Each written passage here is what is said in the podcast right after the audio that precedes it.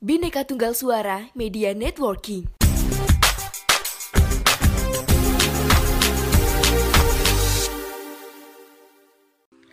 Tujuh belas Agustus tahun 45 Itulah hari kemerdekaan kita Hari merdeka Nusa dan bangsa Hari lahirnya bangsa Indonesia Merdeka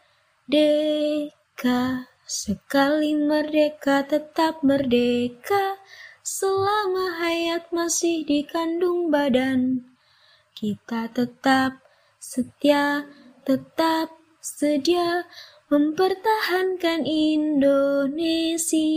Kita tetap setia, tetap sedia membela negara kita. Eh,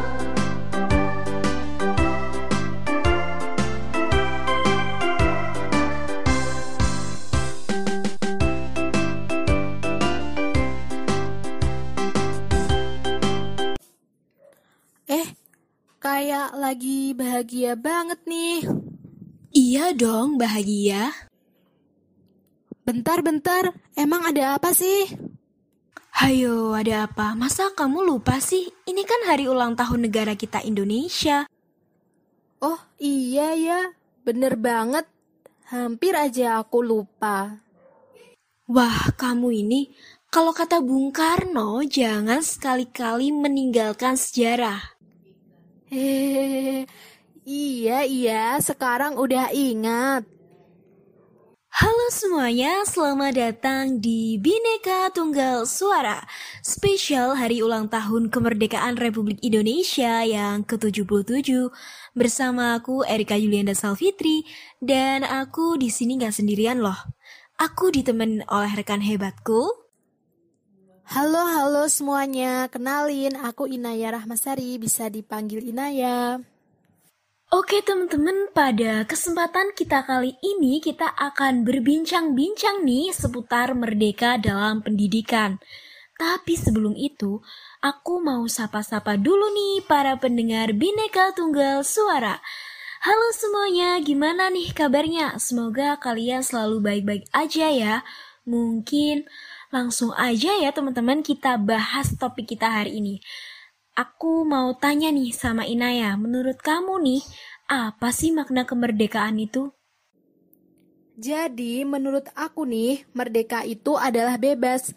Maksudnya bebas di sini yaitu tidak terikat dan tidak bergantung kepada pihak tertentu. Jadi, misalkan gini teman-teman, seseorang, bangsa, negara, atau penduduk bisa menjalankan pemerintahan dan memiliki kedaulatan atas wilayahnya sendiri. Wah, boleh banget nih pendapat dari Inaya. Tapi aku juga punya perspektif dong. Kalau merdeka itu adalah kita bebas dari semua kontrol atau kendali atas kekuasaan pihak luar. Jadi dikatakan suatu negara yang merdeka adalah negara yang berdaulat, terbebas dari penjajah, terbebas dari kekuasaan, dan negara tersebut bisa menjalankan pemerintahannya sendiri. Nah, aku mau tanya lagi nih sama Inaya.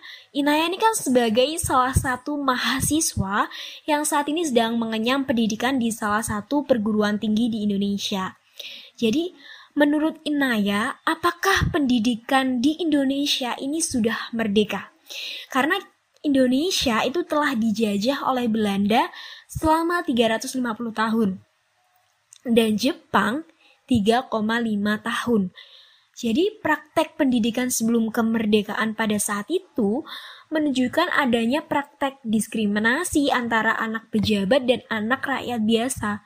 Jadi uh, seakan-akan kesempatan luas bagi anak-anak untuk belajar itu hanya diperoleh dari lapisan atas dan pendidikan sebelum kemerdekaan ini seolah-olah demi kepentingan penjajah untuk melangsungkan penjajahannya.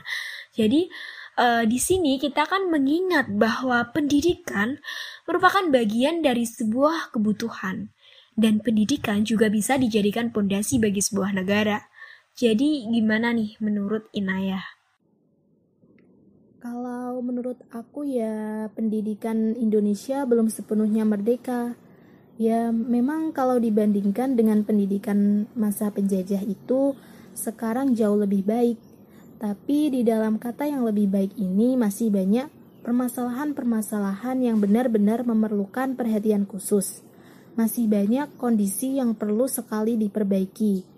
Misalkan saja rendahnya mutu pendidikan di Indonesia karena disebabkan oleh beberapa faktor, yaitu kurangnya jumlah guru yang terampil, infrastruktur yang kurang memadai, dan masih mahalnya biaya pendidikan khususnya di daerah pelosok. Selain itu, banyak anak-anak yang sekolah namun mereka belum tentu belajar.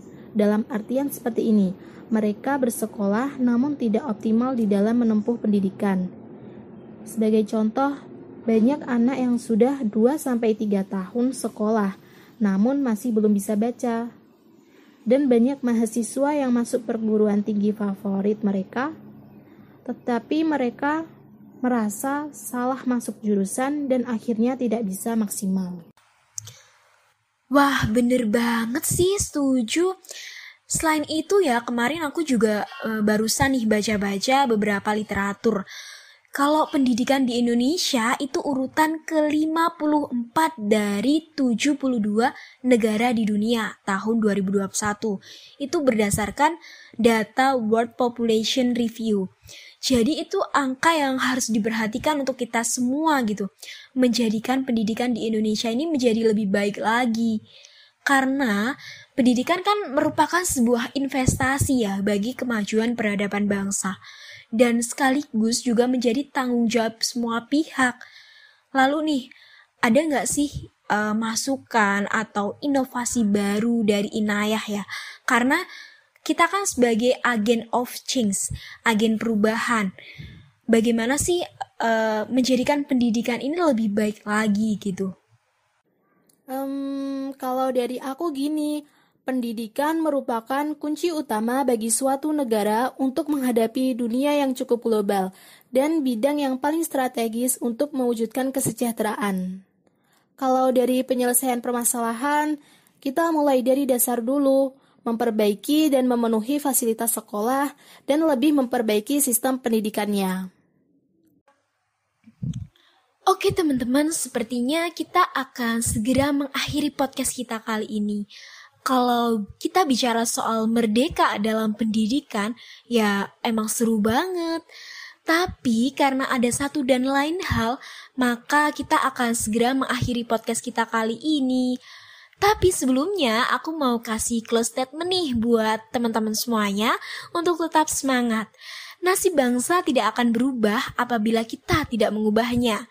Mari kita bersama-sama berjuang, bersama-sama memperbaiki diri agar menjadi sesuatu yang bermanfaat untuk negeri kita. Sekali lagi, Dirgahayu Republik Indonesia yang ke-77. Oke oke, aku juga punya saran nih ya. Kita kan sekarang di era teknologi digital.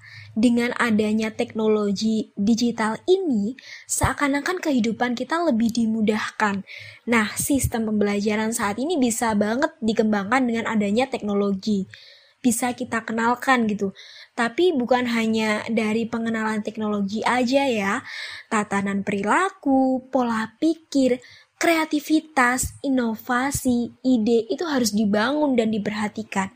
Karena secara tidak langsung, hal-hal tersebut itu dapat berpengaruh pada kualitas sumber daya manusia.